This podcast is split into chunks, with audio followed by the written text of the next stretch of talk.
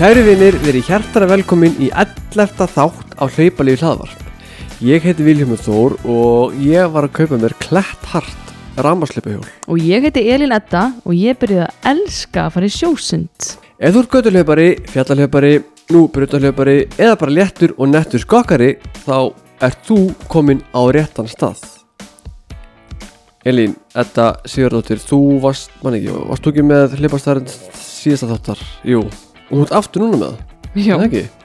ég er bara að hlaupa staðarendar konan. Skjóttu, skjóttu mig. Herðu, við erum að fjalla um marathonhlaup Þáttur í dag er svolítið marathon based Þáttur, já, Já. rétt og mér langaði að hafa staðarendina þá svolítið marathon based. Ok, Um, mér langar að spyrja þig, uh, veist þú mm. hver á heimsmet kvenna í marathoni Kvenna. og veistu hvaða tími það er og hvar það var Já. slegið? uh, b -b -b fór, Við fórum við yfir þetta í síðasta viðtali við Pétur, allavega minni mig Pétur Ívars Er þetta ekki Paula Radcliffe? Ok, Guð. það er eitt rétt. Ok, ok, ok, hún heiti það Mm Það var slegið Það var í London London marathonu og tí, ég, ég var á skoðum daginn sko og, og tíminn er eða var hérna byttu, byttu, byttu já, herru það er á 16 að 15 eitthvað svo leis mm. að því ég man, ég var að skoða það er sko tveir tímar HM, heimsmyndstími kvenna bæri Mm. kvennarlöpi Já, já, já, women's only race. Já, það sá tíma að slegin eitt með fyrra held ég, minnum mig. En þú veist bara í sem er bæði kallar og konur þá held ég sé 2.15, 14 mm, Þetta er eiginlega bara hár rétt hjá þér. Ok. uh, Paula Radcliffe, já, hún uh, á þetta met sem er, var slegið í London marathonu 2003 og það var 2.15.25 já, og hún hefur sérst slegið heimsmetið áður og búin að bæta sitt eigið heimsmet. Hún sló he- heimsmetið bara í einu af sínu fyrstu hlaupum sko, þannig að já. hún er heldur öflug, hún á þetta ennþá þannig að 2003 stendur metið. Akkurat, það gaman þú sittar líka, líka að reyna við þetta met, Elín, það ekki? Jú, mikið rétt Herri, talandi um marathon, þú ætlar að kynna hérna, hver var komið til okkar. Já, nú er sérst uh, sumarið á enda og það þýðir bara eitt, það er komið haust, það stýttist í flest haust marathonin og uh, sumur eru reyndar nú þegar búin. En uh, nú eru margir hlaupahópar að skipulegja sérstakka ferðir í marathon og eflust ófá er að velta fyrir sér hvernig best sé að haga undirbúningi fyrir slíka áskorun sem marathon er. Við, Vilhjálmur, ég og þú, í hlaupalífi hlaðvarp. Mm -hmm.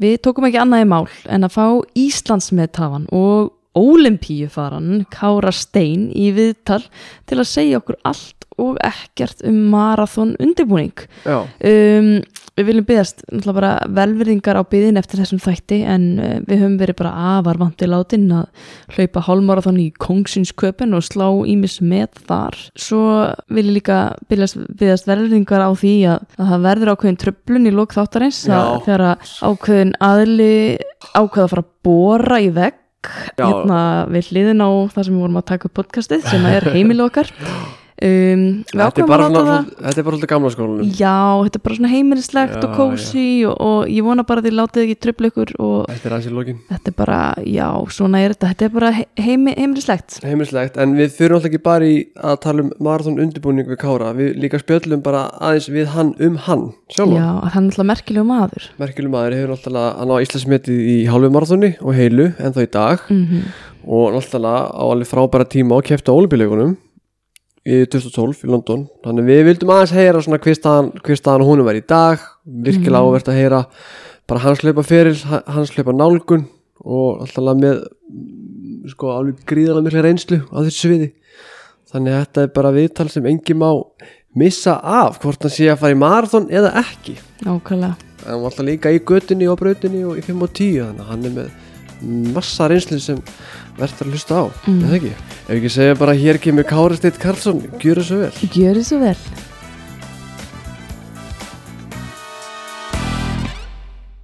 Kári Steit Karlsson, verður hjertalega velkomin í hlaupalífi hlaðvarp. Kæra þakkir, hvað sér þið gott?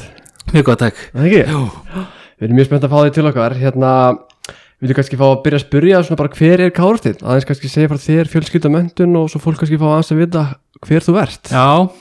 ég er sérst úr hérna vesturbænum og, Seltjarnanesi mm -hmm. og er í sambúið með Aldís Erndóttir og við erum saman eitt barn og, og annað á leiðinni Mhm.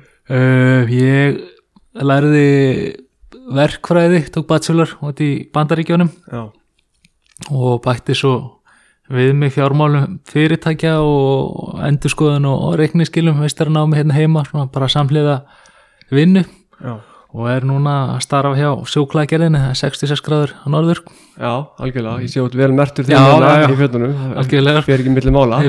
Já. Hvað langaði svolítið að taka á marathon undirbúningi núna þegar að sumarið er á enda og það er, eh, já, stýttast í flesta þessum frægu haust marathonum sem að margir af hlaupurum Íslands eru að undirbúið sér fyrir um þessa Svo myndir setni toppur ásins að byrja Já. núna Í haust og eflaust margar spurningar sem að brenna á vörum þeirra sem eru kannski undirbúið sér í fyrsta skipti. Já, Mm, Það er ein spurning, sko, getur maður bara farið í marathon og ákveða bara að byrja á að hlaupa marathon á þess að vera með grunn og, á, og komið samt vel út úr því, hver er svona þín skoðun á því? Já, ég held að svona ef allir eru, eða úrst, ef menn eru þokkalega heilir heilsu og hérna og þurfu ekki að vinna á einhverjum kvillum eða áfytu eða annað slíkt og þá ætti menn að geta hent sér í marathon með svona tiltala skömmu fyrir ára og ég held að allir sem er í svona bara þokkanlega svona líkamlegu ásökumulagi að þeir geti klára marathon, þetta er svolítið bara hausinn og þrjóskast í gegnum það og menn geti þurft að svona já, lappa eitthvað á leiðinu svoleiðis en ég held að langt flesti geta klára marathon. En svo er að aftur á móti spurning bara hvort að fólk sé að njóta þess að hlaupa hlaupið og hvort það vilja nokkuð tíman hlaupa aftur þannig að ef menn vilja svona, já, svona hlaupa marathon en ekki bara klára marathon að þá þurfa menn að undirbúa sig vel.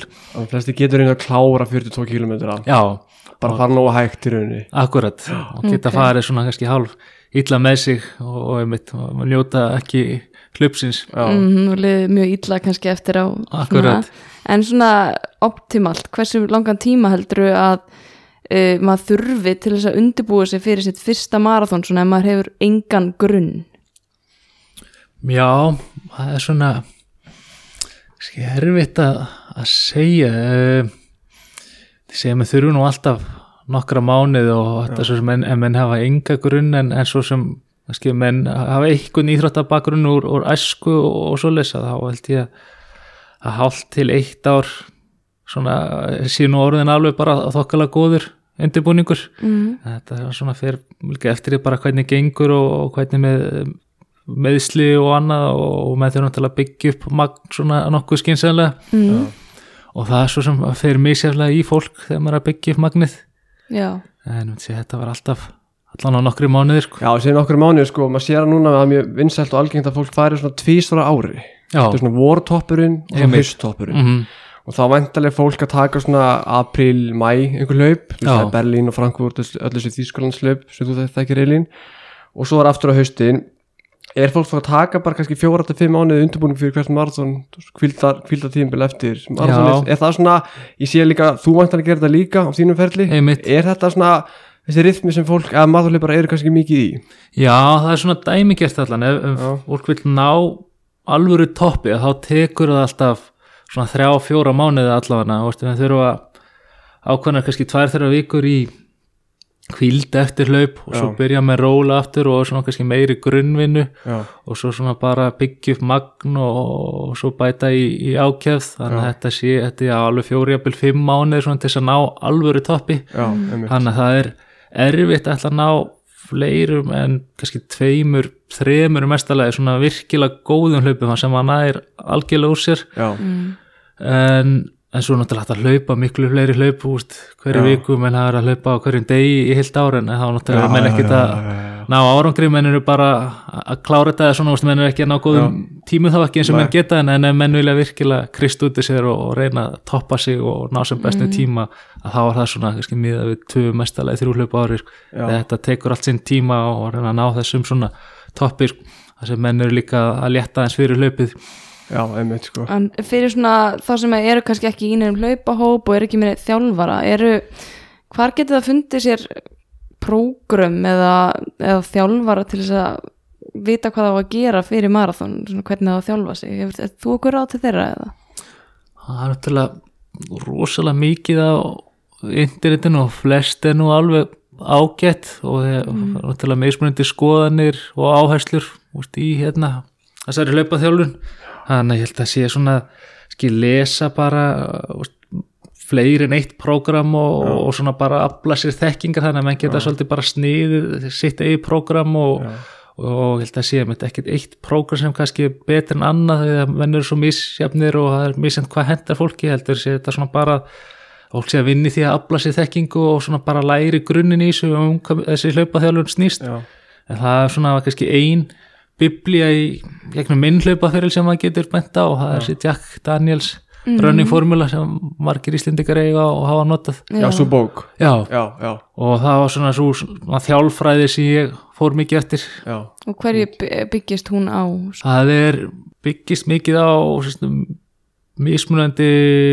svona álags uh, Tíðan já, já og, hérna og mismundi hröðu með þess að maður minnur að hlaupa annars vegar svona rólegan hraða og það er á okkur ákveðnum púlsi og svo erum við með þennan threshold hraða sem er bara rétt undir mjölkusýru þröskuld og svo er eitthvað sem kallast indiál hraða þar sem menn eru kominir í, í mjölkusýru og ræfa það að hækka mjölkusýru þröskuldin Já, já, og svo eitthvað sem er kallað R-pace, repetition pace þar sem menn eru að hlaupa stýttir spretti eins og kannski 200 metra en er þá, þá er þetta orðinni bara sprettir og menn er að þjálfa hámasshraða og, og hlaupa stíl og slíkt. Einmitt. Og svo fer það eftir fyrir hvað menn er að æfa hversu mikið hversu hátt hlutfall af æfingamagnunni er á hverju hraða fyrir sig. Þannig að maður er að hlaupa mjög mikið að threshold og, og svo eins bara marathon pace sem er svona kettnisaðan í marathoni Já, þegar maður er í, í marathon undirbúningi. Já, þannig að ég hljóp mjög mikið af, af þressoltræða og þressoltræða er svona þumalputtareglan er að þetta er sá hraði sem getur haldið í klukkutíma svona í alveg optimal já, já, já, aðstæðum einmitt já, þannig að þetta er svona aðeins hraðar en hálfmarathon hraði og svo er marathon hraði náttúrulega bara kettnisaðan í, í marathon en, en Já. þá var maður yfirlt að vinna með svona annars vegar goal pace og date pace þannig að goal pace að það var svona marathon hraði sem maður vildi komast upp í og það var svona Já. markmiði hlaupin en svo þegar maður var kannski þrír mánuður í hlaupa þá var maður náttúrulega ekki að æfa sér mikið á pace strax heldur var eitthvað svona ákveðið það var bara formið í dag er, er hérna og svo reyndi maður að byggja ofan að það. Já, og þetta er yfirleitt tekið í svona þryggja fjagra vikna lótum það sem uh, það er alveg töflur í þessari bóka sem að, að maður sér nákvæmlega hvar maður stendur, hvað maður að hlaupa hratt á þessum threshold hraða og hraða og repetition hraða og tekum maður þrjár vikur í þeirri lóti og svo tekum maður svona eina aðeins rólari viku og svo tekum maður sérst, næstu línu eða næsta steg fyrir ofan þar sem allir hraðar eru orðnir örlítið hraðar og það byggjum maður ofan á sko. svona píramidi já, Já, þannig að þetta er svona, er svona þryggja fjagra aukna lótur og maður alltaf að svona auka og auka í hraðan og vinna sig átt að svona þessu goal pace í, í marathoni. Já, sniðut og varst þú alveg fylgjast þess, þessari, þessari Jack Daniels aðferð alla þín hlaupa fyrir Just, er, er fyrst í marathon þjálfur að hafa þróast með einhverjum sérstökum hætti undanverðin ár, misseri? Já. úr yfir eitthvað annað eða? Og já, ég er svona, einmitt, ég fór að fylgja þessu því ég færið múti í marathonleipin já, sem var hvenar það hefði verið 2011 það hefði verið í, í 5 og 10 kilometrum á brautinu þangað til. Já, og þjálfara minn hérna, ég semst kláraði útskrifast í bandaríkjunum já, 2011 og færið mig þá í, í marathonið og, og, og, og svo sem ágætt að ég útskrifast ekki fyrir þá sko því þá hafði ég örugglega farið fyrir í, í marathonið en það var fínt að vinna í grunnunum og vera í 5 og 10 fram að því. Já, og þjálfara minn sem heitir Magdalena Búlei hún kefti í marathoni fyrir hönd bandaríkjana á olimpíuleikunum ok. og var þjálfuð af Jack Daniels þannig að hún notaði hans aðferðafræði mikið samt líka í já, brautarhlaupunum. En, en svo svona var ég alveg búin að tilenga mér það og fór alveg ólinn í hans svona aðferðafræði og þjálfræði þegar ég færið mér í, í einmitt. En, en þetta er svo sem og spyr hvort þetta hefur þróast mikið marathonþjálfunina þá er þetta uh, svona já, tiltöla gömul fræði ok, og hérna og breyst lítið svona allra síðustu ár finnst mér. Ok ég sé nefnilega því að sko eh, ég og Elín erum svolítið upptíkinn því að, að við tökum hægskokk þá tökum mjög hæg. Og við fáum að komment á þetta bæði á, á strafa og svona. Fólk finnst þetta mjög sérstakt hvað við tökum hægskokk finnst þér eh, tók, tókstu, tókstu mikið að hægum túrum? Þú varst að, varst að í þínum, þínum marathon undirbúningi. Já, gerir það og, og það er svona það er ákveðin tilgangur með hægutúrunum. Já, og maður sér það til dæmis sem maður fer í mjölkusýru próf að, hérna, að þá er oft mæld mjölkusýran fyrir test og þá er ákveðið mjölkusýru magn bara í blóðinu og það er kannski þreita í manni og að maður er mjög þungum æfingum þá er maður mælst rosalega hátt í mjölkusýru áður en æfingin byrjar. Ok. Og svo tekur maður hérna kannski fyrsta álaskaplan bara mjög, mjög hægt og þá maður að lækka maður aðeins í mjölkusýru já, og svo kannski næsta álaskapla lækka maður ennþá meira og svo þegar maður er komin á ákveðin hraða þá fer maður að hækka aftur. Þannig að maður sér það að þessi hægi hraði að hann er að vinna úr mjölkusýru en hann þarf líka að vera mjög hægur. En leiðum maður er komin eitthvað svona aðeins hraða sem samt skokkræði að þá maður annað að standa í stað eða bæta örlítið í mjölkusýruna en það sem maður að gera með þessum hægu túrum er ofta að maður er bara að losa þreytu og, og vinna úr mjölkusýru og, og svona bara að fá blóðu á stað og þjálfa hjarta og, og eða kerfið sko. Þannig að það er oft mjög gott að hafa hægutúrum hæga ef þetta á að vera svona recovery. Varst þú að vinna með eitthvað svona hlutfall þá, þú veist, með hæga túra versus skæðaæfingar maður oft heyrt 80-20 eða 70-30 eitthvað Mhm. svo leiðis 70 það sem hægt og, og Já, þá að, að það sé 80% af skokki, eða af hlaupurum manns hæg mm og 20 röð eitthvað svo leiðis já og ég svo sem man ekki alveg prósentunar nákvæmlega. Það var svona fórsöld eftir í hvar í æfingatífumbilinni var og hvað ég var að stefna en og eins og í þessari djaktænleisbóka þá var svona oft ykkur viðmið sem maður gætt stuðst við. Já. og þá var maður einmitt að spá í hvað maður var að ná mörgum prósentum á, æfingamagninu í þessum threshold og, og marathon hraða svo reyndi maður að hafa eitthvað smá prósentu á þessum interval og, og aðri hraða sem var ennþá hraðari en, en það var náttúrulega mjög læra hlutvall heldur en maður var að þjálfa fyrir 5 og 10 já, ok. Og svo er alltaf mynd, grunnurinn bara er mjög hægt, Já. 60-65% jafnvel af, af hámórspúls Ok, myndur þú segja að væri alveg einfalt fyrir bara almenning að kynna sér þessi fræði eins og Jack Daniels og svona ef þau vilja bara þjálfa sér sjálf Já, algjörlega og ég held Já. að það sé líka mjög holdt svona átt að sjá því hvað fólk árunni að vera að vera að hlaupa hratt og það er gætna þegar fólk er að byrja að æfa það svona heldur að hlaup séu bara erfið og eiga alltaf að vera erfið og fólk fer Já. út og, og bara tekur á því í hvert einasta skipti mm. En það er náttúrulega alls ekki þannig og, megnið af kílómetrunum eiga að vera bara kílómetra þar sem bara líður vel og mann er svona bara að njóta sín já, og, og lágum púlsi. Og, og þessir hraðar svona gefa góða vísbendingum úst, hvað það er hratt miða við til dæmis getu í 10 km hlaupi eða 5 km hlaupi og hvað það var að cirka mörg prósent af hámarspúlsi og þá erum við komið eitthvað svona þumálputta reglu hvað skokkið á að vera hratt og, og síðan hvað þeir eiga að fara hratt eða þeir eru að taka ykkur álaskabla eða, eða spretti sko. já, maður getur ímynd sér að þetta getur svona hjálpa manni til þess að fá svona einstaklingsmiða kannski þjálfun því að margir eru í skokkhópum og eru kannski bara að æfa, þú veist, allur hópurinn að gera það sama. Akkurat, þannig að þetta getur verið kannski leið fyrir fólk til þess að átta sig á sínum eigin svona optimal æfingar einmitt. Og gefur svo líka góða hugmyndum hvar menn standa þess að þegar menn er að stefna á 10 km hlaup eitthvað svoleiðis og menn taka fjóru sinum 2 km eitthvað æfingu á okkur ákveðni meðalpeysi að þá er þetta að sjá í þessari bókalu hvað það er svona úst, hvað þessi hraði sem hann var að hlaupa á hvað það er svona sirka upp á í 10 km hlaupi sko. já, Þann- Já, ég læt bara garmin úr mitt segja mig hvað já, ég get já, svo við það er alltaf biblía sko. Hérna, en svona bara æfingavikan þú veist, af því að þetta er alltaf ég hef nú ekki eftir hlaup það lengi en mér finnst það alltaf að vera mjög svipað, það er alltaf þessi langi túr það er tempotúrin og það er þú veist 10 200 eða eitthvað, er þetta oft bara svipað þessi, þessi, prógram þessi, þessi undirbúning fyrir hlaup? Hvernig vikan er byggð upp og æfingar þjálfunin? Eða er þetta mjög fjölbryrt eftir viðalundum eftir 5 og 10 og kannski hálft og heilt og, og svo fram til segja þetta sé svona svipað í grunninn og það er þessi svona klassíska uppbygging á æfingavíku, það er þessi eini svona langi túr, eitt langur túr á, á viku og, og svo er ski, ein svona tempoæfing og ein það sem mennur aðeins í stittri sprettum og svo er restinn skokk. Mitt en, en svo þegar maður er í marathon undirbúningi og hérna og kannski svolítið langt komin inn í sérst svona þjálfunar lótuna þá er maður kannski fann að taka tvo langa túra.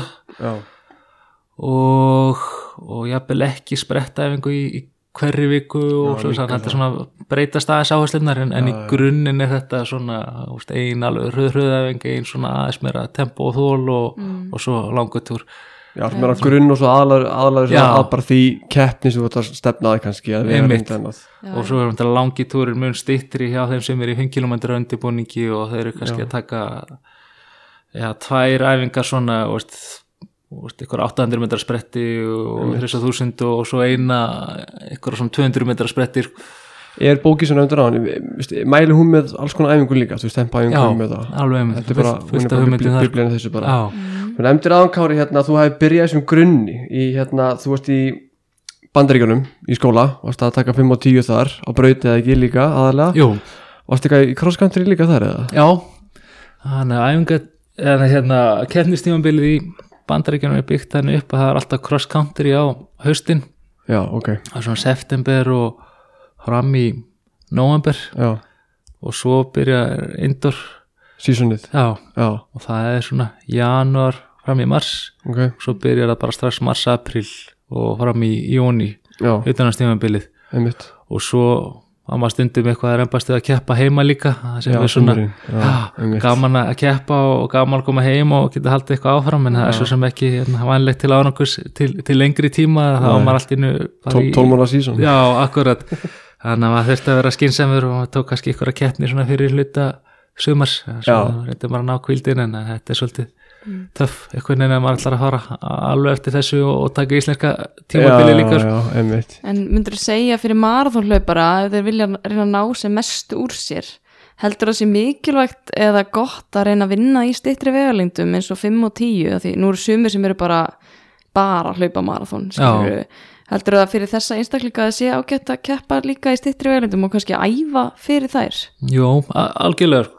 Og það er svona til að segja sér svolítið sjálft að til þess að hlaupa marathon á hverjum tíma þá þarf maður að hlaupa úst, 10 km á þeim tíma eða þá hraðar mm. líka. En, en maður er náttúrulega að vinna í 10 km tímanum með marathon þjálfun mm en það er svona úst, að, að fara æðin er svona tala um það að það er svona vænlegur að, að nálgast þetta að fara á sérst, stýttir hlaupunum fyrst og, byggja praða og það er auðveldar að byggja praða ef maður einblínir svolítið á það og nýta hans síðan í löngu hlaupin staðin fyrir að fara í hinn áttina og, og fara beint í langar æfingar og, og mikið magn og svolítið kannski hægar æfingar en, en að vera á sama tíma að reyna að vinna niður uh, 10 km í tíman það var, ég tók, tók akkur eftir því ég byrjaði að æfa bara mjög snemma í valskokk sko, Mhm. þá voru allir alltaf ekki fara í marathon þú veist, Já. þannig að það er ekkit besta leiðin til þess að reyna að ná sér mestu úr sér að byrja bara þar að ég er mjög ánað eftir á að hafa ekki farið strax sko. Einmitt, Einmitt, einmitt. og, og það er það er sama hérna sko, við erum svona löngu hlaupin heitluð alltaf mest og maður vissi að svona þeim lengri sem hlaupin voru þeim er betur hendið þeim mér og þeim betri var í þeim og mm Mhm. langaði að fara strax í marathon bara 15 ára gamall en, en svona bara blessunarlega var það þjálfari sem hefðu 15 ára að það var við, fyrir mér sko. Já, þú, hvað, varstu gamall þegar þú fórst þá fyrst í marathon? Ég var alveg 25. 27 þannig að þú er alveg beðið í 12 ár. Já, það er góður undirbúningur. Já, og þannig að það var tókst það líka bara mjög vel það var þetta einmitt bara prógram sem að rendi í hérna í bandaríkjunum, það var ekki í búið að fara í marathon þá en, en ég var orðin mjög spenntur svona þessi síðustu tvö ára að útskrifast og, og henda mér loksins í mitt fyrsta marathon sko. Mm, gaman að því. Hérna, mér langar að spyrja út í hérna magnið, hlipa magnið. Þetta er hérna, ég veit að þegar þú varst að æfa sjálfur þá kannski varst að taka svona átunum manna vinkinlega á þetta. En hvað er, hvað er svona, hvað er fólk að taka í magn á viku, cirka bát Fólk pæli mjög mikið í þessu, loggin kílometrum, ná einhvern ákveðinu tölu á viku. Mm En hvað myndi segja með þurft að ná á svona, til að ná einhvern almennum árangur í marathoni, hvað var magn á viku? Í þessu un undirbúningsfasa að þessum toppum á, á hverju ári. Já, þá svona meira kannski hvernig veit maður hvað, er, hvað maður sjálfur Já. á að geta tekið mikið? Af því að nú veit. kannski sumir að taka 150 km aðrir Mm. 80 eða svona. Svo bara 40 eða eitthvað. Já.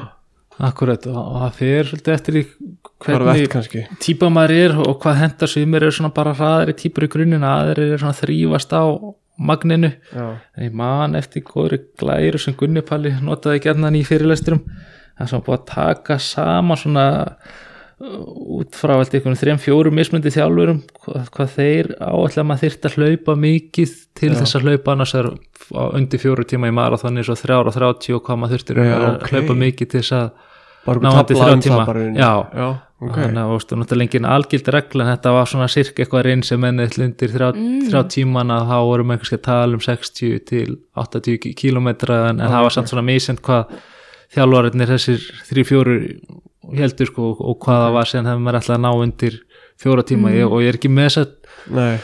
tölur alveg í, í hausnum á mér en minnir einmitt að svona undir þrjá tíma þá þetta verið allan einhverju svona 60 kílómetra sem að verið að hafa Hafa miða ykkur. við sko. já Já, ok. Við þurfum að nálgast þetta glæru Já. og setja hann inn á á heimasíðuna, uh, Facebook síðuna okkar. til bara Gunnapalla Uh, tölum Ok. bara við gunnafala. En myndur þú segja að, þú veist, þeir sem geta hlaupið 150-60 km á viku eða eitthvað bara svona fáralegt magn, að það væri alltaf betra heldur en að hlaupa bara 120 eins og þú hefur kannski ventarlega verið í mjög miklu magni, heldur að það hefur alltaf verið betra að hlaupa meira heldur en minna þegar maður getur það. Já, svona upp á vissu marki, það er náttúrulega gott að geta hlaupið mikið magn í marathon hlaupum sko, en svo náttúrulega má ofgera öllu.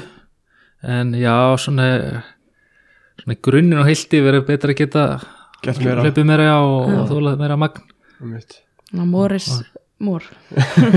Já, en svona einmitt, og svo náttúrulega eru til hlaupar sem hafa verið að fara upp í 300 km að viku og og, og svo kemur alltaf þessum tímapunkti þar sem menn eru bara varnir að brjóta sér niður og, og, og meðast og, og það er ekki svona það er ekki að byggja upp form eða vöðu eða þól lengur heldur við orðið bara niðurbröð þannig að það þurfa svona bara finna sín mörk og það er náttúrulega best að vera bara við sín mörk æfa eins mikið og maður þólir en svo lengi sem maður er rétti megin við mörkin. En og þetta er samt oft línudans, maður er ofta að reyna að æfa eins mikið og maður reyði við og það kom alveg fyrir að maður fór yfir línuna og, og þá komu þungar vikur og maður þreyttur og ekki að fá jafn mikið út í þreyttur.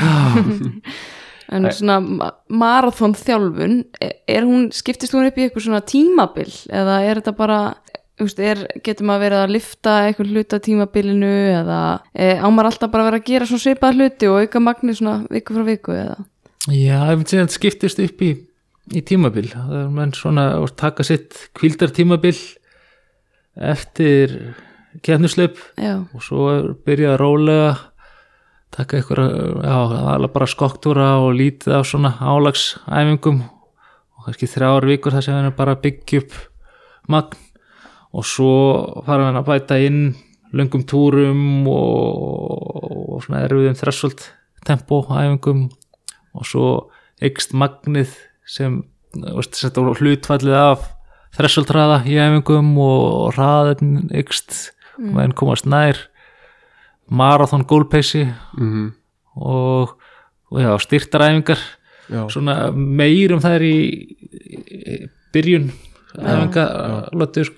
og svo fara maður kannski að draga eins úr þeim þegar nálgast hlaup. Já. Og svo kemur alltaf þetta svona tapering tímabil Já. sem er fara að létta Og fyrir hvað, hlaup. hvað er það eiginlega? Hvernig, hvernig veit maður hvernig maður á að gera það? Það er, sko, það er tapering. Já, tapering. Sem ég veit ekkert hvað heitir eiginlega á íslensku. Nei, ég- það, það er í rauninni bara þegar henn er í miklu magni og búin að æfa mikið kannski í fjóra, fimm mánuði búin að byggja upp magn og það var náttúrulega komin ákveðin þreita í, í líkamann en fólk er komið í hörku gott form. Einmitt. en svo vilja við ná upp ykkur svona ferskleika. Já. Að þá draga menn úr magni já. og stýtta æfingar en kannski halda samt tröðum svona og st- þannig að hlaupa jafn hratt, jafn hraðarstundum á æfingum en það eru stýttir sprettur. Þetta er svona gert þess að ná í smá ferskleika draga já, vel úr, magni meiri og, kvíldadagar og svona. Já, já. Og með þegar verkmiði þetta losum þreytu og bara vinna í fersleikunum en, en þetta er eitthvað sem ég fannst alltaf rosalega mikil kunst já ok. Og ég hugsa ég hefði oft hlaupið mun betur hefði ég bara sleppt því og ég veit að sumir sleppa því því að þegar maður er búin að vera í miklu magni í langan tíma þá er þetta eitthvað sem líkamann er vanur. Já, og það er ákveðið sjokk fyrir líkamann að allt í henni draga svona úr æfingamagninu. Og mm. líkamann er vanur að hlaupa 150, kannski 200 km að viku og svo allt í henni er þetta einhver 120-100 km að vikur. Já. Og mér fannst líka minn minn að bregðast bara fyrðulega við, ég var bara svona einhvern hálf dofin og fannst ég missa kraft og, og vera bara hálf skrítin og oft var þetta svona fyrst eftir ég byrjaði að létta og svo svona jafnaði mig en stundum fannst mér ég aldrei alveg jafnaði mig. En, en svona fræðin segir að maður eigi að taka allan að þrjár vikur eða svo í Ok. að létta. Þannig að menn er ekki bara æfa á fullu og svo allt einu bara og taka menn 50% af magninu í, í tvær vikur þannig að þetta er kannski 80% af magninu svo 70 og svo 60% vikuna En- sem að marathoni er kannski 60% Já, eða eitthvað, ok. þannig að þetta er gert í skrefum og þetta er svona einmitt er reynd að gera til þess að hann sé ekki að sjokkara líkamann jafn mikið því að það er svona misend hvernig líkamann bregst við og mér fannst þetta svona eins og í mínu tilvíkum að líkamann bregðast oft hálf illa við því að að létta sko. þannig að maður svona spurði sig eftir á hvort að maður var að taka rosa góðar æfingar og, og góðar keppnir í ykkurum æfingarhlaupum og jafnvel betri heldur en í hlaupinu sjálfu. Hvort maður hefði jafnvel átt að sleppa því og ég veit að sumir hlaupara, ég þeim finnst það ekki hjálpa þeim að létta þannig að þeir hafa bara nokkurn veginn eftir Já. gegnum hlaupið. En, en svona í flestum tilugum að þá þykir það upplagt og, og best að Já. vel fyrir hlaup og, og einmitt að taka svona þrjár jáfnvel fjóra vikur í sko. og hann til að halda allavega vikuna sem hlaupið er að maður ætti aðeins að minka álægi bara til Já. þess að vera ferskur en ég man akkur eftir því að þetta var eitt af þessi Marta Ensdóttir þjálfur að minnsa við mig hérna vor að bara að þú ert að búast við því að þér líðir bara ömurlega hana í þessu tapering tímabili Mhm. og þú, ert eftir að líða eins og þú getur ekki hlaupið og þú sért ekki hlaupari og þunga á þér og þetta var nákvæmlega það sem gerðist fyrir mig og bara, þú veist, maður getur ekki líst í hvað maður líður eins og maður sé ekki hlaupari þannig til bara kemur að hlaupa deginum kannski, eða bara það verður að fara hann að stað líka við sko. Þá- Einmitt, og það er mjög góðu punktur og þetta er einmitt annað sem gerist er að maður svona fer rosalega mikið að spá í því hvernig manni líður og þegar maður er mikið að hugsa um það hvernig manni líður, hvort maður sé ekki léttur og ferskur og hvort maður sé ekki að finna áhrif þessa að vera að létta á æfingum að þá okkur bara líður manni furðulega og, og sérstaklega í vikunni fyrir hlaupið maður að draga verulega á magni og, og spári hverju einu stæðingu hvort maður sé ekki ferskur og kraftur í manni og svona. Þá, einmitt, líður manni bara virkilega furðulega þannig að gott að, svona, að reyna að spá ekki í því og búast bara við því allavega. Já, já, Já, einmitt, og bara gott að gera ráð fyrir því og þetta sé bara hluti af, af ferlinu og þetta sé einmitt, eðlilegt og, og svo er maður bara good to go á keppnistæður sko, saman hvernig mann hefur liðið í, í vikunni sko. Við fórum að sinna áðankári hérna var liftingar og styrtræfingar Þú nefnir hérna styrtræfingar en liftingar, liftingaræfingar. Varstu, að- varstu sjálfur mikið að lifta á tímbilinu? Þess að helstu þá rass og með, meðmavöða og annað. Ég var alltaf mjög mikið má og bak og bara náttúrulega á hverjum degi. Styrkja það bara. Já, og, og jú, stundaði styrtaræfingar og svona eftir á að higgja hafði ég alveg mátt gera meira því það er gerði mikið fyrir mig. Og mér finnst það mjög mikilvægt og sérstaklega fyrir já, eldri hlaupara og, og konur uh, ungir eh, svona kallhlaupara kannski þú veist, 20 og eitthvað að þeir eru svona mjög náttúrulega sterkir í grunninn og, og kannski eiga til að að þingjast Já, hérna, ef menn lifta þannig að þau svona fylgjast með því. Einhver fín lína hátta milli. Hva, hvað sér ég? Fín, lí, fín lína hátta milli, það Já. lifti ekki á mikið og, Akkurat, Já, en svo svona náttúrulega þegar fólk eldist að þá er þessi svona náttúrulegi styrkur hann fer dvínandi Já, og það er gott að halda honum við og þetta er gott fyrir hlaupastílin og fyrirbyggjandi fyrir meðsli og, og skila sér bara beint í hlaupið þannig ég verið mjög hrifin af, liftingum og, og held að það hefði gert mig gott að, að lifta meira þó svo ég hafi stundað liftingar og styrtaræfingar með hlaupum að það mátti vera markvissara á, á tímambiljum sko. Já, en er eitthvað svona, ef þú þurfir að nefna þrjár liftingaræðingar sem væri bestar fyrir hlaupara, hvað myndið þú velja? Bara svona fyrir þá sem er eitthvað spott bara hérna Nei, ég ég, eh, fyrir þá sem að vita ekkert um þetta, það er kannski gaman að vera allan með á þrjáræðingar sem Já. er gott að grípa til svona. Akkurat, sko ég var mikið í svona förðulegum heldur sérhæðum hlaupa æfingur sko sem mann hérna, störði alveg í ræktinni þegar maður var eitthvað sprenglar sko. en ef maður á að nefna einhverja svona klassískar æfingar þá er það bara einhverja svona nýjaböður og, og framstig og okkur svona stöðuleika æfingar Já, og mæ, mæ og bak það er rosalega mikilvægt að hafa sterkan kjarna Já.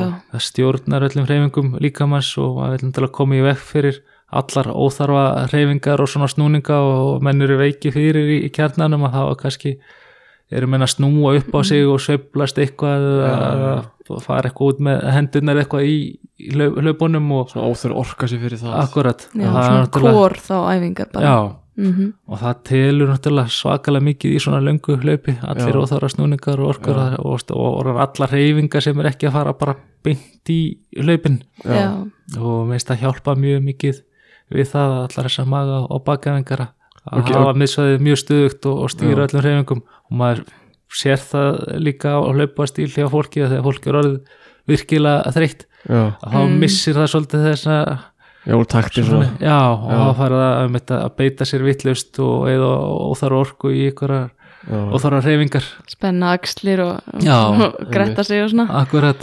En er eitthvað svona æfingar sem þú myndi segja væru bara alls ekki góðar ef maður ætlar að vera svona að ná sínu besta úr sér sem hlaupari? Hendur já, eða það er náttúrulega einmitt að vinna í þessum vöðuhópum sem maður notar ekkert í hlaupunum og, og einmitt. er það þar leðandi bara þingja mann Já, já, já. svona bara byssutnar og, og svona klassíst sko. beach season vöðanir já, einmitt. Það er eh, hjálpa lítið í, í marathonlöpum sko, Kari, nú ertu hann að margrendur marathonhlaupari, ég ætla að spjóra út í eitt. Var þetta svona kannski mistök? Finnst þið verið eitthvað svona einhver algengum mistök í fólki, eitthvað sem þú hefur kannski lært af sjálfur eða séð hjá öðrum, eitthvað sem fólk gerir eitthvað vittlust í sínum hlaupa undirbúningi, það fyrir marathon og annað já, kannski þá, kannski líta liftingum eða já, hleypa akkurat. kannski og- já, hygglust að hérna Það var oft hýrt að fólk hleypur mjög lítið svona hægt og tekur hægutúrun og hratt. Ertu sammála því? Já, það er svona, það er að hugsa eitthvað sko, kannski margir sem halda að með þurfa að hlaupa jafnvel heilt marathon er að taka of langa löngutúra sko. Já, einmitt. Uh, það er svona þjálfurnulega síðan þá er maður að komast í þessi svona marathon. Og maður segja marathon álega, marathon tilfinningu eftir kannski 90 mínútur. Já, og, og bara með því að hlaupa á tvo hálfan mestarleið þrjá tíma að þá var maður að ná fullt á tíma í þessu svona marathon áleið Já. og leiða fólk fyrir eitthvað að hlaupa mikið umfram tvo og hálfa tímana. Að það er rauninni svona þjálfunlega séð ekkert að gefa mönnum annað það að menn keira sig meira niður í jörðina og, og, og þurfa lengri tíma að jafna sig fyrir næstu æfingu og geta ekki eft þannig að jafn mikið þannig að ég myndi segja að það var eitthvað sem fólk þurft að að passa sig á Já. að, að vera ekkit of upptekið við að það þurfa að hlaupa eitthvað 37 km túr eða eitthvað svolítið það já. tækið á 5 tíma sko. Einmitt, einmitt Já, kannski meira að hugsa um bara að hlaupa í tíma þá eða svona já, tveira hálfur þrýr næsta leiðan mitt. Já. myndi segja það Hérna, ef við förum að, núna erum við búin að tala ítælega um hérna undirbúningi sjálfan. Fyrir kannski bara örstuðt í hlaupi sjálft og mér langar að spyrja út í næringu. Þarf fólk að pæla velta því mikið fyrir sér, þú veist hversu oft þá taki næringu og hvaða næringu? Er gott að æfa sig að taki næringu fyrir hlaupið til að finna hvernig mægin bregst við hinn og þessu hvað er sem þið teika á þetta? já, og veistu nefnir það, þá var þetta önnur svona kannski algeng mistök eitthvað Já. sem fólk kannski bara gleymir að hugsa úti og svo kemur það eitthvað í hlaupið og, og bara grípa sér eitthvað svona kolvetna sulldrykk sem það er aldrei smakkað og, og svo bregst líka með fyrirlega við þannig að það er oft gott að kynna sér það bara hvað er í bóði í hlaupinu og, og reyna Já, kannski menni sér að nota það í efingum Já, og vera bara að nota já, og það var best ef maður geta stýrt í hvað menn er að fara að drekka í hlaupinu já, en það er alls ekkit alltaf tilfelli þannig að það var bara gott að prófa alls konar svona kolvetna sulldrykki og sjá hvernig það fer í mann og, og jú, það er mikilvægt að, að hérna, taka inn ykkur kolvetni í, í keppnisleipinu og, og náttúrulega heilmikinn vökva. Mm. En hvað heldur að fólk þurfa, hvernig þarf það að byrja að næra sig í, í hlaupi? Er það bara þegar það fyrir að finna fyrir svengt eða, eða betra að byrja bara snemma? Já, algjörlega, það er bara að byrja strax fyrstu drikkjastuð og bara að nýta allar drikkjastuðarnar taka þá bara minna í einu. Ok. Og þegar fólk er orðið þyrst að fara að finna fyrir orkuleysi og var þá að fara að drekka eða að taka inn orku að þá var það orðið á senti að það tekur alltaf smá tíma að skila sér í kerfið þannig að maður ætlar að koma með vökuðan og orkuna inn í kerfið Einmitt. áður en einhverjar svona tilfinningar koma upp. Já, og já, hann vil segja nýta allar drikkjastöðar og svo er hægt að svona áall það sirka hversu mikið menn þurfa í hlaupinu mm. Já, ok ég hef farið til dæmis í ykkur svona algjör mjölkusýru eða þólpróf sem ég sé uh, hvað ég er að eyða eða sérst brenna mörgum kaloríum á ákveðnum púlsi eða ákveðnum hraða. og þá get ég sé það veist, eins og ég ætla að hlaupa 3 ára og 15 í þessu marathonlaupi og þá er ég á púlsinu veist, í 100 og, og 50 og er að brenna einhverjum x mörgum kaloríum Já, já, já, já. í, á klukkutíma á, á þessari ákjöð og sé, ok, ég er verið tvær og hérna og átjón sirka með hlaupið. Mm. og þá er ég á þessari ákjöð að fara að brenna svona, veist, það er 1500-2000 kaloríur mm. og svo er þetta svona áallega sirka hvað líkaminn er með bara í í fyrir hlaupið og svo fara við náttúrulega oft í þessa svona kolvetna hleðslu til þess að svona hámarka þessa glíkokinn vöðvana þannig að við ná að hýfa þessa tölu eitthvað Já, aðeins upp. En svona með því að fara ykkur einfalda útreikninga þá er þetta áallega það að úst, ég er með úst, 2000 kaloríu sem ég get nýtt bara í byrðum já, og ég er að fara taka inn uh, já, ykkur úst, x mörg gél og, og það er ykkur svona þumalputta regla líka hvað líka menn næra að nýta af orku á hverja klukkustund þannig að hvað menn er ná að nýta margar kaloríur þannig að þó svo menn tæk inn 1000 kaloríur þá maður kannski bara nýta úst, 200 aðum eða eitthvað. Og ég man ekki allar þessar reglur en ég náði að lesa mig til um þetta þannig ég rauninni náði alveg áallega að ef ég ætla að halda þessum hraða og tekin inn þetta úst, þá er rauninni að fá nægu orku sem, Mm. til þess að klára þetta hlaup með svona þokkalegar orkubyrðir. Já, maður þarf svol- svolítið að stúdera þetta svona fyrir sjálfa sig kannski. Akkurat. Ég það spyrja þig, hversu oft varst þú að taka nærgu í marathoni og, og hérna, hvað varst að taka inn? Mástu það? Já, ég tók þetta svona, já bara 5 km festi Já, ok. Ný, nýtti allar drikkjastöðar og að það voru, veist ég, að það voru 10 þá, þá var það 10 sinnum eða voru 11 Já, þá var ok. 11 sinnum. Átta sinnesbrúsar eða- Já, akkurat. Og ég var einmitt, með oft, og yfirleitt svona drikkja þjónustu þannig ég gætt blanda mína eigin drikki Ein, ein kóttel Já, það vissi sko var vanur þessum drikkjum og vissi hvað var á kaloríum og, vissi svona sirka hvað ég ætlaði mér að drekka mikið af Já, brúsanur það er ákveðin luxus Já, það er bara mjög gott en svo er er það líka oft einhvern veginn þegar maður er komin í hlaupið og, og búin að spá í þessu fram og tilbaka að þá einhvern veginn reynum maður bara að drekka eins og maður getur og, og eins og maður þólir og, og finnst þægilegt. Og stundum er það bara mjög erfitt stundum gengur það vel og Gast alveg torgaða drikkjum því að þið var hann ill í maðunum eða þú veist, það fannst fyrir ykkur verkefni í maðunum og þú fannst að þurftur að taka nærgu það fannst ekkert erfitt að taka í nærgu þá líka.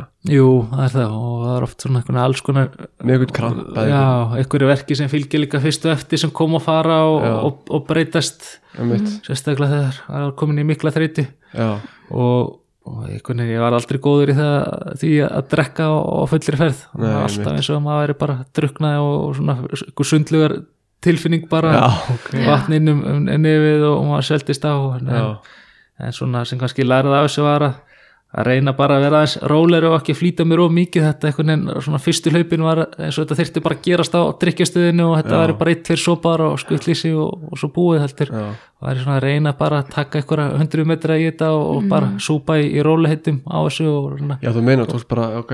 Grípa glasi bara með sér og Já. aðeins taka í rólega frekar aldrei en og, og það getur náttúrulega verið erfitt ef maður er fullir ferð og er með glasa að halda ykkur í því sko. Já, já, já, að glas alveg svona fremst á drikkjastöðinu og, og taka ykkur að sopa og svo aftur og rétt á hann drikkjastöðin klárast og að halda þess á því en, en best náttúrulega með þegar maður gæti verið með brúsa og maður gæti verið að sötra á þessu kannski just, næstu 300 metrana bara í, í róliheitanur já Já. þi- þegar þú varst með eigin drikki, hva, hvað varst það að fá þér í, í hlipunum?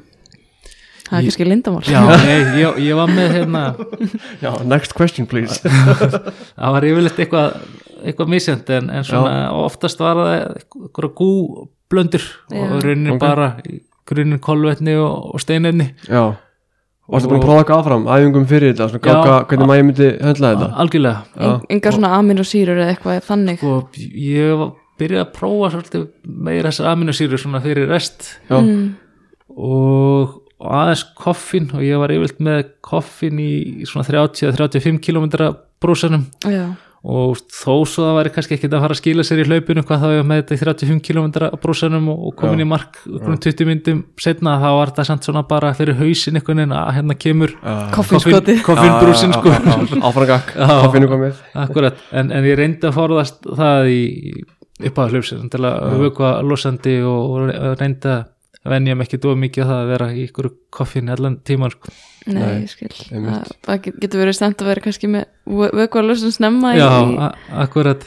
En þú myndir svona segja að það væri gott fyrir fólk að taka inn þá þó að þið sé illt í maðurum kannski, ég er ekki að segja að maður sé alveg bara ælandi að taka inn vökva en, en þú veist, þó maður sé smá illt að reyna Já, þá bara já, að halda áfram að taka inn. Ak akkurat. Já, og ég vil þá þetta taka veist, vatn, þessan eina drikkjastöð að maður getur ómögulega bara komið meiri í svona ykkur orku sigursulli í, í maðan Já, það það er náttúrulega alltaf betri en ekkert að fá inn vökun og það er náttúrulega að mikilvægast í þessu að fá vökun já, svo er náttúrulega líka að hlaupa með svona brúsa belti Já, og náttúrulega fylla bara á það á, bara á ferðinni. Það er Getur sko. bara stoppað og, og kvilt á. Ég held að sé ekkert gott að stoppa mikið þá, þá missum maður svolítið taktin en, en kannski sumir gera það en svo eftir marathonið þá kemur náttúrulega svona tímabil eða ég myndi segja að það væri mjög mikilvægt tímabil þetta hvíldar tímabil. Já, og kannski ekkit allir sem að taka því alvarlega. Um, myndir þú svona, hva, hvernig myndir þú skilgreina að- hvað hvíldin ætti að vera löng og, og hvað felst í hvíldinni? Má maður ekki gera neitt eða? Jú, myndi algjörlega gera eitthvað og ég, er svona, ég hef alltaf verið mjög hrifin af virkri kvíldu, ég held að maður kvílist mun betur með því að vera svona eitthvað að leika sér og, og reyfa sig uh, í staðan fyrir að gera bara ekki neitt en svona, til að reyna samt kvíldatímabil á að vera kvíld og að kvíla hlaup alveg en fínt Ok. að kannski synda og hjóla eitthvað aðeins en, en allt líka á lágum púls og mm. ágætt að setja sér bara regla ég ætla ekki yfir úst, 80% á hámórspúlsi bara allt kvildartímabili þannig að menn sé ekkert að fristast og, úst, og mann haldi að ef menn eru komin á hjóli eða eitthvað svolítið þá geta mann alveg tekið svolítið á því. Mitt og klassist er kannski tvær þeirra vikur en fer eftir því bara hversu vel hlaupið fór í fólk og, og svona hversu peppað er eftir hlaupið og, og með þessi þetta kvildartímabil oft ekki síst vera andlega kvild Já, og maður svona bara einhvern veginn að núlstilla sig og oft tekur það lengri tíma heldur en það tekur líka um hana að jafna sig. Mitt og maður byrja hvað sem er frekar rólega aftur og svolítið þannig að líka minn hefur alveg meiri tíma til þess að koma sér í gang og aðalast Já. þannig að þetta sé svona aðalega bara að fá hungrið aftur og, og þó svo menn séu rosa peppaðir og svolítið að, að pína sig í að, að kúpla sig aðeins út úr hlaupunum. Það er bara gott til lengri tíma sem menn fá ekki ógeð og haldi í nistanum að, að svona reyna að hugsa um eitthvað annað en hlaup Já, þetta er svona andleg sem og líkaleg kvildur inni, sko. Akkurat. Ég er nefnilega, að ég, ég, ég, er ég er að byrja minni kvild í dag, sko. Tekka eitthvað kvild og hérna Ég er nefnilega, var einmitt að vonast þess að þú segja, sko þá mætti ég bóstall gera ekki neitt, sko. Ekki eins og niður þrýfa að vasku upp, sko. Það myndi hendi mér ágætlega. Já, þannig að ég myndi, þú veist, ryksu og skúra en já, já, það, þú getur alveg ryksu meðan ég er í vinnunni, já, það er þetta sé allt í lagi. Bara áláðan púls, upplöð púls. krossstreininga, það voru bara með já, púlsmæðin Það er nóg um frítíma 80% inn í ég vart að ríksuga sko, er það ertu- lítið líf og ég stend bara í mið íbúðunar og bara þarf að íta hana fram og tilbaka sko, það dögur okkur. Herri, okkur langar að spyrja út í svona útbúnað, svona kannski skó og annað. Ertu með eitthvað sérstaklega skoðinu því hvernig skó hendar betur í marathon uh, í keppni í marathoni og kannski erum við náttúrulega sömu skónu á æfingum og í keppni. Já, algjörlega. Að vera búin að prófa skóbúnaðin vel og, helst kannski taka í marathon keppnis, nei hérna hálmarathon keppnislaup Já, í þeim Og taka þessar gæðæfingar og taka já, kannski það er ekki taka heila marathonæfingu, þetta er að tekur sinn toll svolítið á líka mann að hlaupi í þessum keppniskóm og, og, einmitt, og þessi skóbúnari á keppniskótnir það er þá yfirleitt með minni fjöðrun og, og stuðningi og bara, já, einmitt, eins, eins léttur þeir geta verið. Já, fyrir þessa svona sem eru í eh, fremstu röð. Já, en svo hendar það ofta ekkit þeim sem eru kannski ekki æfið mikið og stefna sömu tímana að vera í einhverjum rosa keppniskom getur vel verið að það sé bara mun þægilegra og menn hlaupi mun betur í einhverjum mýkri skóm. Já, einmitt. Uh, sjálfur var ég alltaf í svona keppniskóm bara eins léttum og, og hægt var og, og hljóps svolítið í skóm sem heitir Luna Racer sem verður svona bara uh, voru allan að þeim tíma ansi svona harðir og, og stífir. Ok, og ég fann, þe- nei, afsakið, það var Flynit Racer sem var svolítið harður og, og stífir ok. En ég fann það síðan að þessi Luna Racer hendur betur, þeir voru mýkri og maður betur hlaupa í þeim í marathonhlaupum en Já. ég notaði hina í 5 og 10 km hlaupum. Já, já, ok, þannig að þetta er eitthvað sem maður þurfa að finna svolítið líka hvað Já. hendar þeim, hversu mjúkir skor. Einmitt. Var þetta Nike skór? já, þetta er næg skor. Og já, mitt, þannig að ég svona hljópil aðal í, í næg þannig að svona þekki lítið annað en, en allir þessi stærstu skóframlendur eru með bara virkilega flotta skó og, Já. bjóða langflestir upp á góða kettniskó líka. En þetta er aðalega spurningum að hafa prófað á vel fyrir hlaupið. Já, einmitt. Og, og einmitt og, og svona reyna að átta sig á hvað mýkt hendar. Já. og oft einmitt eru þessir reysiskór bara ekki með nógu mikið stuðning og nógu miklu mýkt til þess að fólki Nei. líði vel í heilt marathon sko. Nei, ég get vel trúið því Lændur ekki í því í einhverjum marathonu þeirra að fá stein, var ekki í London? Jú, jú, 2012. akkurat Komst einhver, einhver smá stein inn í skóna Já, það var já pínu steinkott sko, en, Já. en nótis að bögga með alla leðinar sko. en, en aldrei nógu mikið þannig að fara eitthvað huglega að stoppa í hlaupinu sko. einmitt, akkurat. Og þessi það er náttúrulega að binda eitthvað sjöfaldan hnút og svona ef maður ætla að stoppa og rífa svo skonum og svona það hefði tekið langan tíma og maður gjör sannlega mist allan takt og, og Já, stífnum upp en það var alveg skott að, að bara halda áfram og það var svo sem þreytir sársökin sem tók yfir allan annan sársöka og einmitt, svona restin á hlaupinu þannig að maður svona fór síðan að spá minna og minna í, í þessu steinkotni þannig Já. Ótrúlegt hvað þessi saga með steinin hefur farið við Já, alveg. Þetta er bara svona saga sem amma mín getur sagt mér sko, Akkurat. sem veit ekkert um hlaup Svo sko. ekki hvað ég uh, hyrti þetta oft og þetta var eitthvað sem ég spáði en ekkit mikið í hlaupinu eða eftir hlaupið en þetta var svona bara það var eitthvað fjölmjölamæður sem var í, í markinu sem greip þetta alveg á lofti því að það var svona fyrsta sem ég vildi gera því ég kom í mark og hann úr. beð þarna, já, það var komast úr Bölva í það var orðið fyrirsögn daginn eftir sko. já, já, kemur það Eh, Þetta gerist svona. Herri, við erum búin að fara mjög vel yfir marathon undirbúning hlaupi sjálft og svona kvílaltímbil eftir það. En okkur, okkur langar líka aðeins í viðtænlu Elín að spyrja aðeins út í bara þig sjálfan, persónlega, Kára Steinn Karlsson. Hérna, þú náttúrulega ert, hefur verið fremsti langhlaupur Íslands mjög lengi átt Íslandsmyndi í hálfu heilu í dag.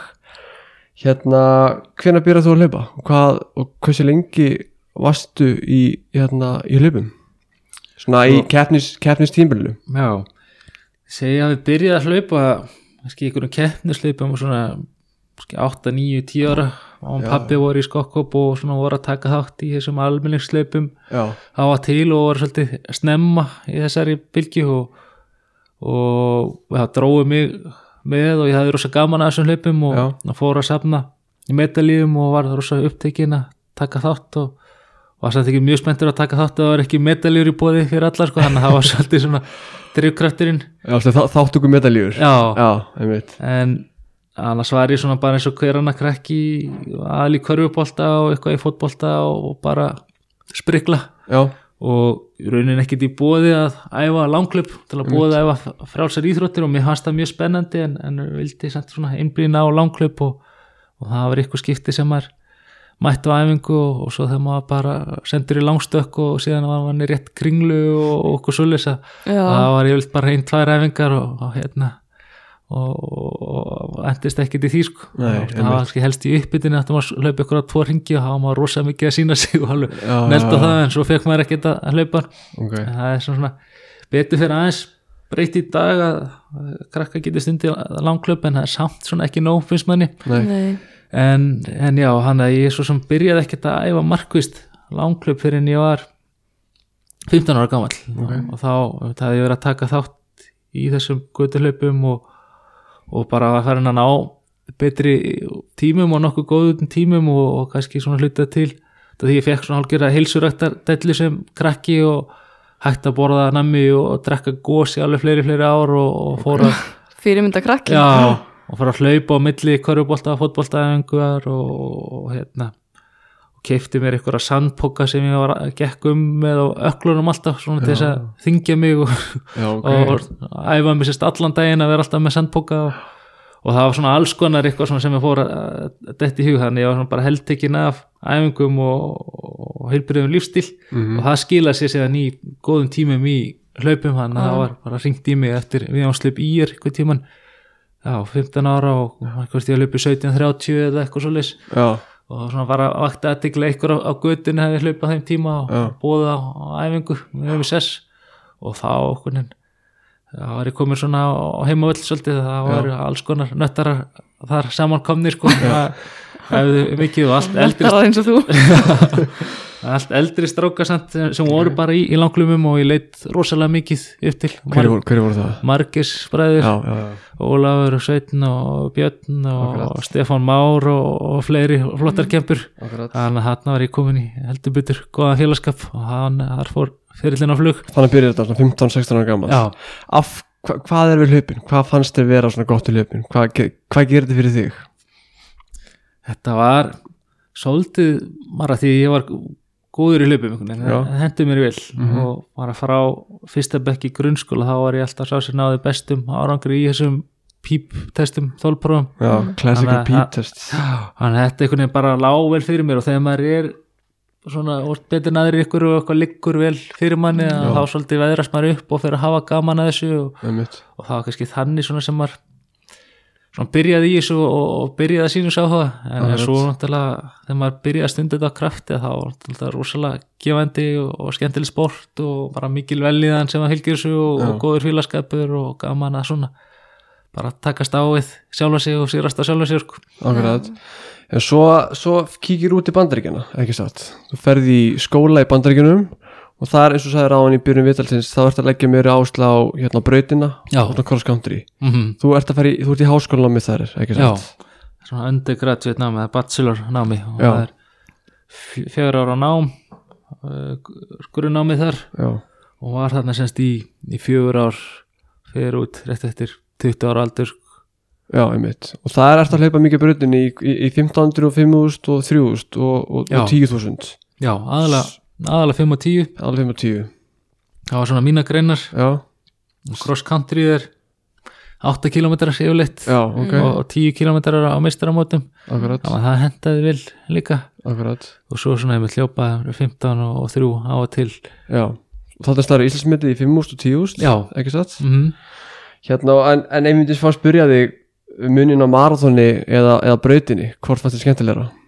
Mér fannst marathoni skemmtilegra, Já. al, alveg hygglust og þetta var svona einhvern veginn meira gaman af göttuleipunum það voru svona fjölbreyttari og, og svo það var svolítið líka bara þanga sem leiðin lá og, og þetta er oft svona stemdi líka bara og bara það sem var stóð sér betur og, og fann sér betur einhvern veginn í þessum göttuleipum þannig að það er svona verða skemmtilegri fyrir vikið. Akkurat. Og var það spennan og, og, fyrsta marathoni er þá í, í 2011 já, Berlín ekki satt, Jú. september? Mm 8 ár síðan, cirka bát já, Hérna var ekki það mikið spenna?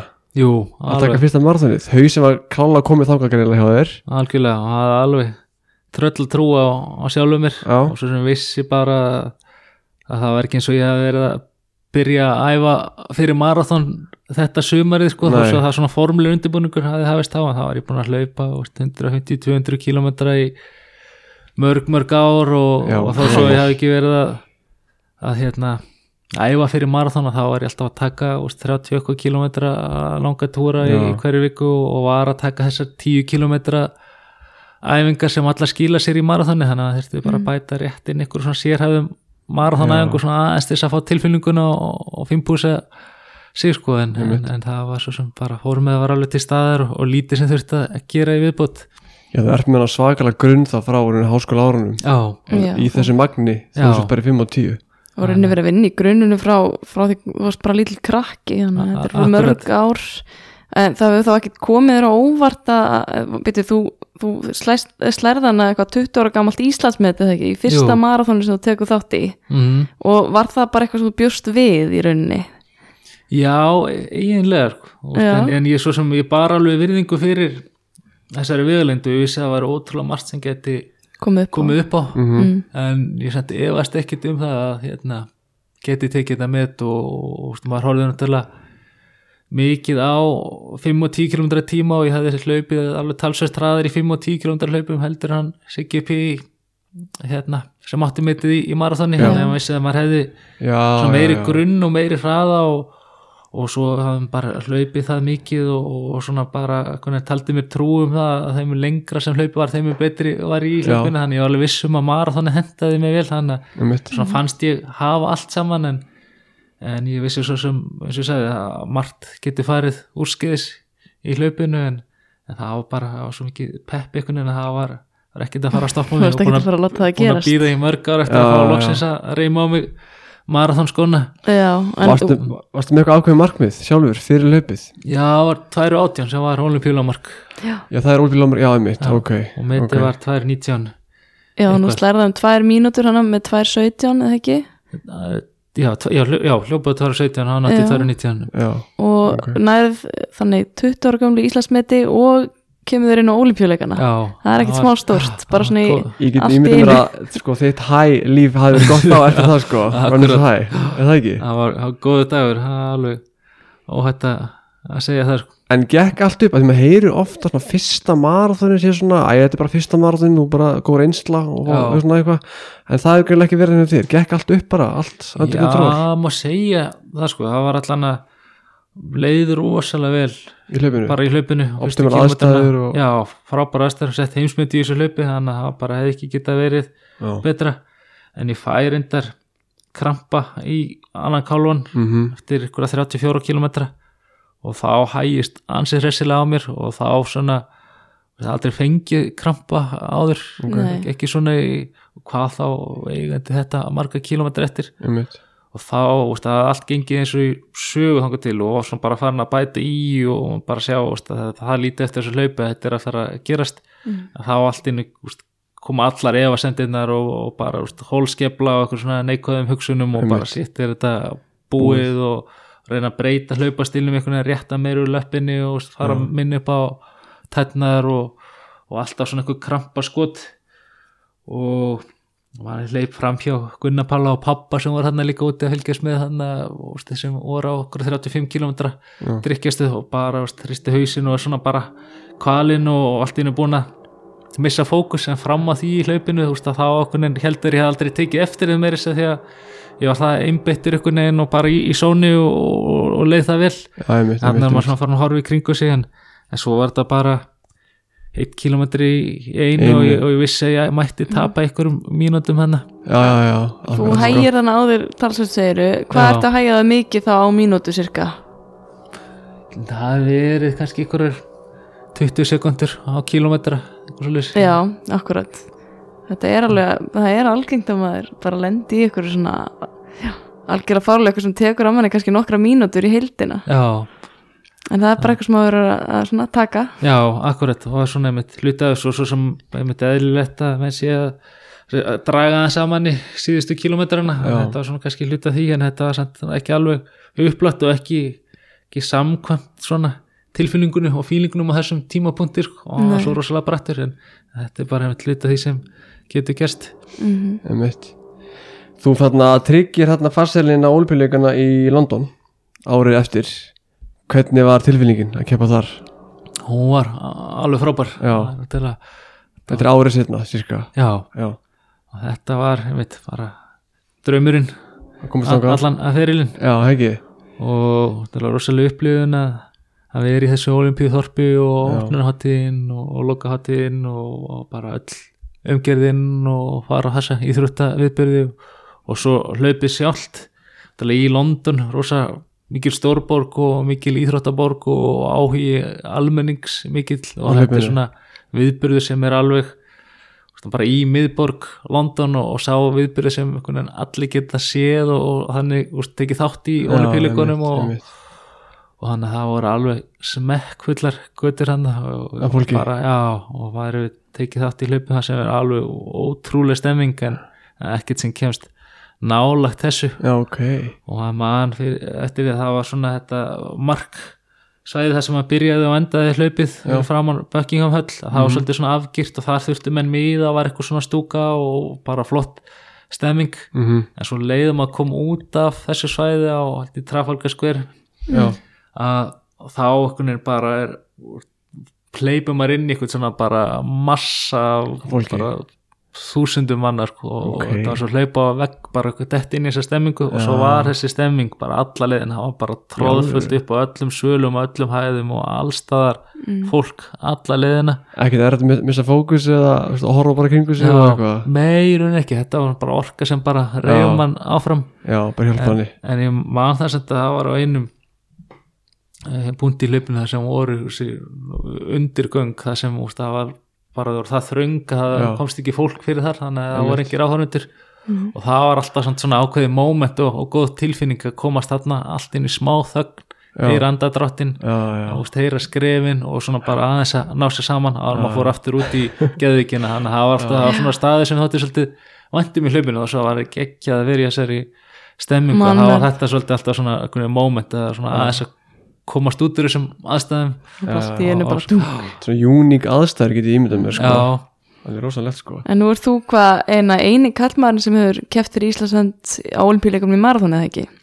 Jú. og hvað Marta er eina konan. Já, þetta lítur að vera svona mögnuð tilfinning að vera bara svo eini sem að hefur gert þetta fyrir Íslands hönd. Já, Er það ekki, jú þess þar, lítur að vera stoltur. Já, bara, jú, virkilega. Mjög ánægð með þetta allt saman. Mm, Svo núna í hvað fyrir á þessu ári þá voru að koma út uh, í svona nýja reglur í tengslu við olimpíuleikana sem að vera næsta ári. Já, Þú hefur vantarlega heyrt eitthvað af því, eða ekki? Og hvað svona finnst þér um það? Nú eh, er búið strengja lámörkin það mikið að jafnvel bara fólk eins og þú ættir erfitt með það kannski. já, einmitt. Og já, ég veit ekki hvað maður á að segja. Þetta er svo sem kannski á einhverju leiti svona sangjarnara fyrir þá svona frá þessum fjölmennari þjóðum og oft hafa svona ákveðna þjóði verið með alveg rosalega stíf lámark fyrir sín íþróttamenn þannig að það er svona ákveðin lámark sem eru gefin út af já, þetta ekki hérna allþjóða frjálsita sambandið. sambandinu. Já, svo ákveðna þjóði bara ákveð að hafa sín lámark ennþá stífari og það Já. krefist þess að með sig að ná aðlámarki eða jafnvel einhverjum ennþá betri tímum. Þannig að oft sitja eftir íþróttamenn heima sem eru kannski þrjú söflur já, þannig að þetta kannski opnar dyrna fyrir það er þá en, en, en að sama tíma er þetta rosa stíft og, og, og svolítið svona rugglingslegt alls konar eitthvað svona Stigakerfi. og afskriftir af einhverjum stigum og, og svo ef maður vinnur einhverjar landskeppnir eða eitthvað stór hlaupa þá bætast við einhver stig við einhvern nárangur og, og við veitum svona að vita einhvern veginn lítið hvar með standa og, og, og erfitt einhvern veginn að bara tryggja sig inn og, og hætta svo að hugsa um þetta meira sko, já, og geta bara að slaka svolítið og, og fara að einbytta sér á undirbúningi en er bara hansi lengi í þessu kaplaupi en, en ég var samt að segja að maður ekki er svona ekki sérfæðingur í þessum hérna, heitingu skilurum með mitt og ég er ekki, ekki svona að lesa þetta í þaula en, en þetta er svona bara eh, já, samkvæmt svona mínum litla skilningi á, Já. á þessu sko. en, en svona þetta, þetta, er, þetta er svolítið snúið og stöðar varstu Já. eitthvað að pæla að reyna að komast inn á olbíleikana í Tókjó Nei, það, það, var, það var nú á sínu tíma svona já, 2000 og bara já, eftir 2012 já, og það það var alltaf planið að halda talsveit lengur áfram og þetta var Já. svo sem bara á sem var að skil verið hvað bestur, toppað. Já, 30 og já, 34 ára sko. Það er bara fl- flottur aldur í, í marathonur sko. þú reyndi við Ríó 2016 Já. eða svona einhver leiti? Já, það gekk ekki? Nei ég var, já, hitti ekki gott hlaup, ég var hlaupið á já, 2.19 eitthvað, ég var rétt og já, eða einhvern veginn hvort það var 2.19 lámarkið og var náði því ekki eins og það var mjög Já. bratt um að held að þetta steinleiki en já, svo náðum maður bara ekki að sitja saman gott hlaup og var ykkur ofþjálfunarbasli og meðslabasli og, og eitt og annað og, og hausinn bara ekki alveg í þessu.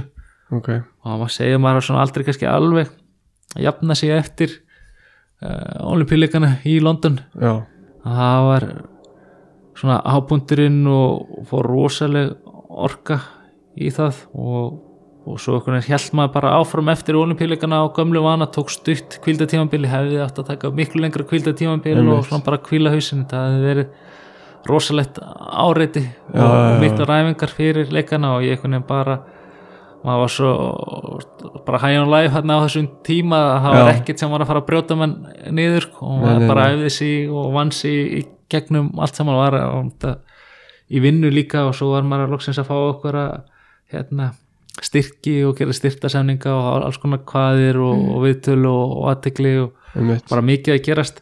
Og svo var ég bara alveg gjörsamlega búinn eftir þess að leika en, en svo Mhm. bara held ég áfram á gömlum vana og, byrja bara að logga inn mína kílometra og bara á mitt prógram. Bara akkurat, drullu þreyttur og, og með meðsli og, svona og svolítið bara sattur líka. Það Já. svona uppalega var að hérna, ætlunin alltaf að keppa á olimpíuleikum og þessu stórmótum og, og slá þessi íslensmitt og ég var búin að haka í þessi bóks og auðvitað vildi maður fara aftur á leikana og, Já. og halda áfram að bæta sig en það var ekki, ekki sami nisti og, og þarna var ég komin einmitt. heim líka og komin bara í vinnu. Já, já, já, og farin að hugsa um aðra hluti og, og einmitt bara fullri vinnu og tek meistarnám samhliða vinnu og þykist þér að æfa síðan alveg að fullu líka Já, og, var svo sem alltaf grjótharður í æfingunum. Já, en einmitt það er bara það er bara ekki hægt að alltaf vera eh, Gera allt. einmitt. Mm, Og- þetta er bara svolítið mikið. Já, og, og var alltaf mikið og ég vissi það svo sem en ég var samt einhvern veginn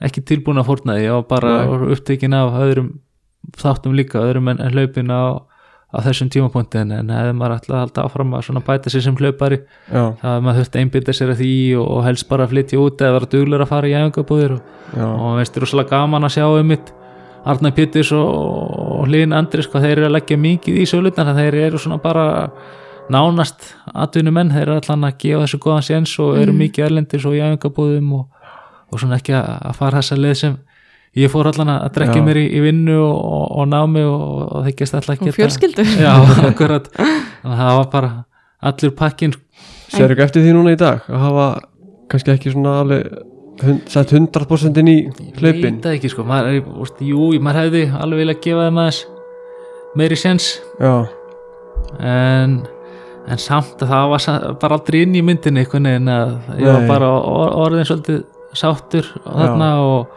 Komið bara, bara spennti fyrir þeim að halda áfram að menta mig og, og svona vinna mig eitthvað áfram í, einmitt, en, en það getur einmitt vel verið eftir að sjá eftir þessu síðan mörg akkurat. En svona hvernig myndur segja að væri fyrir þig með þína reynsla bakinu að horfa á fólk keppa í hlaupum í dag? Finnst þér það ekkert erfitt eða finnst þér að hefur bara gaman að því kannski að fylgjast með? Já, ég gerir það sko. Ég maður svona, svona fylgist ekki vel með og maður er ekki svona jafn ólinu sem maður var á sínu tíma sko, maður Nei. er svona sattur á vissu leiti en, en ég er mjög gaman að því satt að svona bara fylgjast með já, árangur í annara, já, Íslendinga og, og annara og, og, mm og fylgjast með þessum stórmótum sko. já men akkurat, akkurat. Hérna, ég er veltið fyrir mig hvernig með að kíkja í bónuspurningar í lokin. Já ég bara svona, ég hef smá áhuga einu. Ertu ekkert að spá í að bara fara að keppa bara svona, þú veist þú sért kannski ekki að fara að vera eins góður eins og þú getur verið en bara keppa og vera bara frábær hlaupari. Já uh, ég er svona, jú, ég hugsa alveg um það sko, og ég þarf að, að, læra að kingja svona þessu egoi fyrst. Það er ekki alveg komið einhvern veginn að mæta í hlaup sem maður hefur svona tekið þátt í áður og, og hérna hlaupa á verið tímum og, og tapa á móti hlaupurum sem maður ekki og finnst maður ekki eiga að tapa á, á móti og mm, þannig að það er svona yfirstíga þetta og, vera bara með upp á gamanið, þú veist, ég kemst ángað en maður er svona, maður er ekki bara fengið nómikla lungun til þess að skella sér í hlaup og, og ekki hlaupa Já, eitthvað þannig að það er, já, ég skil. en það kemur sko, ég er alveg vissum að maður verði áfram duglur að stunda hlaupin. Ná, svo hlýtur að getur- vera svona erfitt pínu Já, algjörlega, þannig að það er svona, ég finn það núna það er einhvern veginn, það er ekkert sem dregum mann áfram því að maður veit að veist, maður, er, maður þekkir þessu upplifun þótt sé frábær upplifun að þá hérna þá er maður svo sem ekki að sækjast alveg eftir því og veit líka Nei. að maður er að hlaupa og, verið tíma sem var oft svona partur upplifunum að halda fram að reyna að bæta sig og reyna að vinna. En, en það, það kemur og getur vel verið að maður takki eftir að það er að góða skorpa þar sem maður einhvern veginn bara helli sér aftur í, í efingar sko. Já, það já, er þú spennandi. ert alveg að það pæli því að koma, e, Já, ég, ég ætla hann út, útilega ekkert. Já, já. en hérna.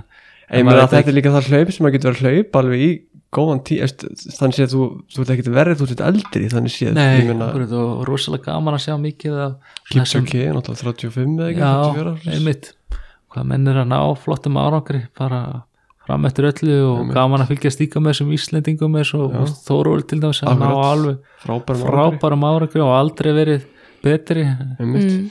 herru, ok, ég ætla að byrja Kári, að við ætlum að henda á nokkuð svona bónusspurningu lokin? Já, Erst þú tilbúin? já áraði herru, hérna þú ert nú margrindu marathónleipari ég ætla að spyrja þig hvert var þitt eða, og hvert er þitt uppáhalds marathónleip ég held ég verið að segja Berlín. Já, hérna Þú fyrst- prófaðir fyrsta nokk- hlaupið þú og- prófaði nokkuð hlaupin náttúrulega. Já, keftir Ítalíu náttúrulega, London já, og svona. Já. Þau voru nú ekkit gríðarlega mörg Nei. þetta var þriðja marathonhlaupið mitt þannig á olimpíuleikum ég hef London. tekið eitt svona æfingamarathon bara í Ítalíu eitthvað lítið hlaup já, og svo jú prófaði þessi Þískalands hlaup ykkur. Dusseldorf og, og Hamburg Mitt. og Rotterdam já.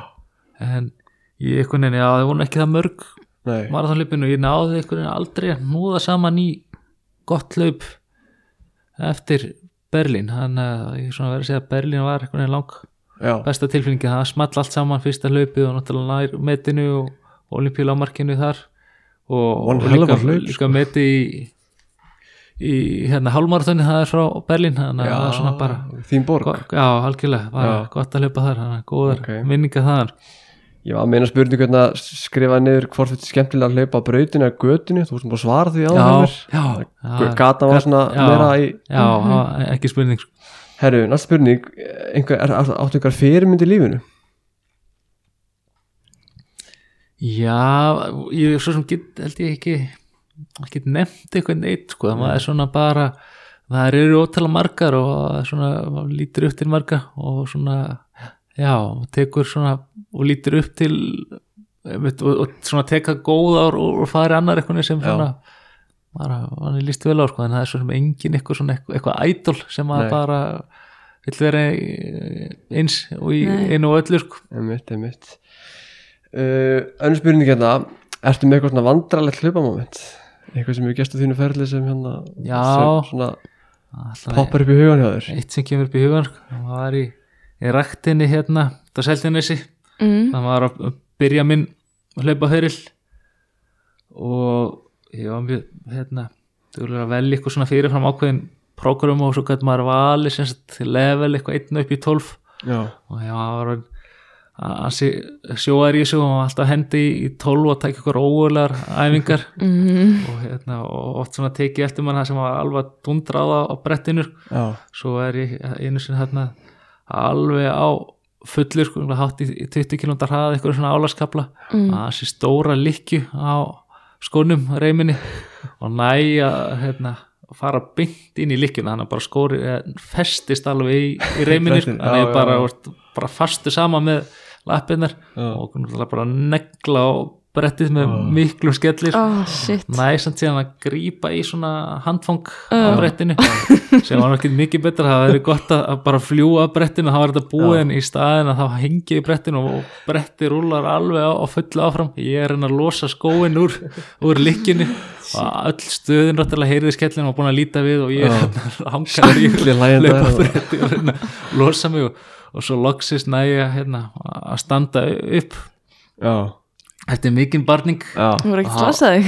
Já, jú, þetta var nú, eh, ég er ekki slæsið með henni en þetta var alveg vond og maður var svona aðeins lemstraður og fólk kemur svona og spyr hvort það væri ekki Lægi lægi með- mann og hann búin að stoppa brettið og svo leys og, og, og, og það var síðan svona þetta moment, ég man alltaf eftir einhvern veginn að skammast mér svo svakala langaði bara að lappa út og bara beint heim sko, en, Já, já. en svo samt einhvern veginn líka svona að halda kúlinu og, halda áfram einhvern sko, en það var svona bara veist, að það byrja aftur, íta aftur á start og svona Já, það var aftur í koma sér aftur í já. alveg búin á því einhvern veginn og degjur Marin. skömm sko, en, helst hefði vilja bara úst, beint út bara ykkur hólu já. Það er svo fyndið sko, ef maður dettur eða lendir í ykkur svona fyrir fram á fólk það er fyrsta sem maður hugsa er alltaf bara hvernig kemst ég eins hratt og ég geta fætur aftur? Svo enginn sjá mig, akkurat, þú veist að því maður er alveg bara hú, og þó maður sé Þetta- alveg að deyja sko. Þetta er líka algjörða mín martur að vera bretti, að detti mitt sko. Já. ég myndi að, að fara í ykkur reymar eða eitthvað að negli í bretti, Ég bretti og detta sko. Ég lendi einu sinni sko en þá var ég bara úst, 14 ára eða eitthvað og úst, datt á bretti og flög á veggi fyrir aftan sko. Ah, úff. Heyrðu, einn svona loka spurning sko, hérna, þú átt Íslandsmeti í marathóni og nú hafa nokkru gefið út kannski að þeir hafi áhuga að, hérna, að kýtla þig og, hérna, og kannski slá þetta Íslandsmet. Narta í það. Já, myndir, já, narti lappinu að þér. Myndir þú segja að hérna, þetta Íslandsmet sé í bráðri hættu eða verði ekkert mann slegið á næstunni?